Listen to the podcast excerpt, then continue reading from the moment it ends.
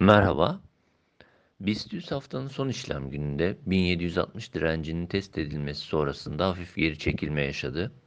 Kapanış 1737 seviyesinde gerçekleşti. Endekste yukarı eğilim korunuyor. Haftanın son iki işlem gününde 1760 seviyesindeki direnç bölgesi test edilirken yaşanan geri çekilmelerde 1725-1710 bandındaki destek bölgesi de korunmuş oldu.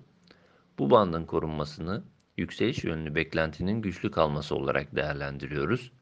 Diğer taraftan endekste saatlik, günlük ve haftalık periyot için ortalamalarda yukarı eğilim geçerli durumda.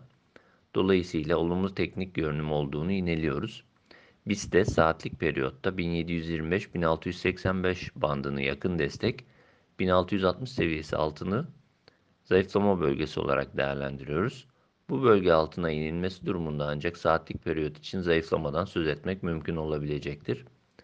Bant üzerindeki hareketin korunuyor olması yakın direnç bölgesi olarak belirttiğimiz 1760-1800 bandının gündemde kalmasını sağlıyor.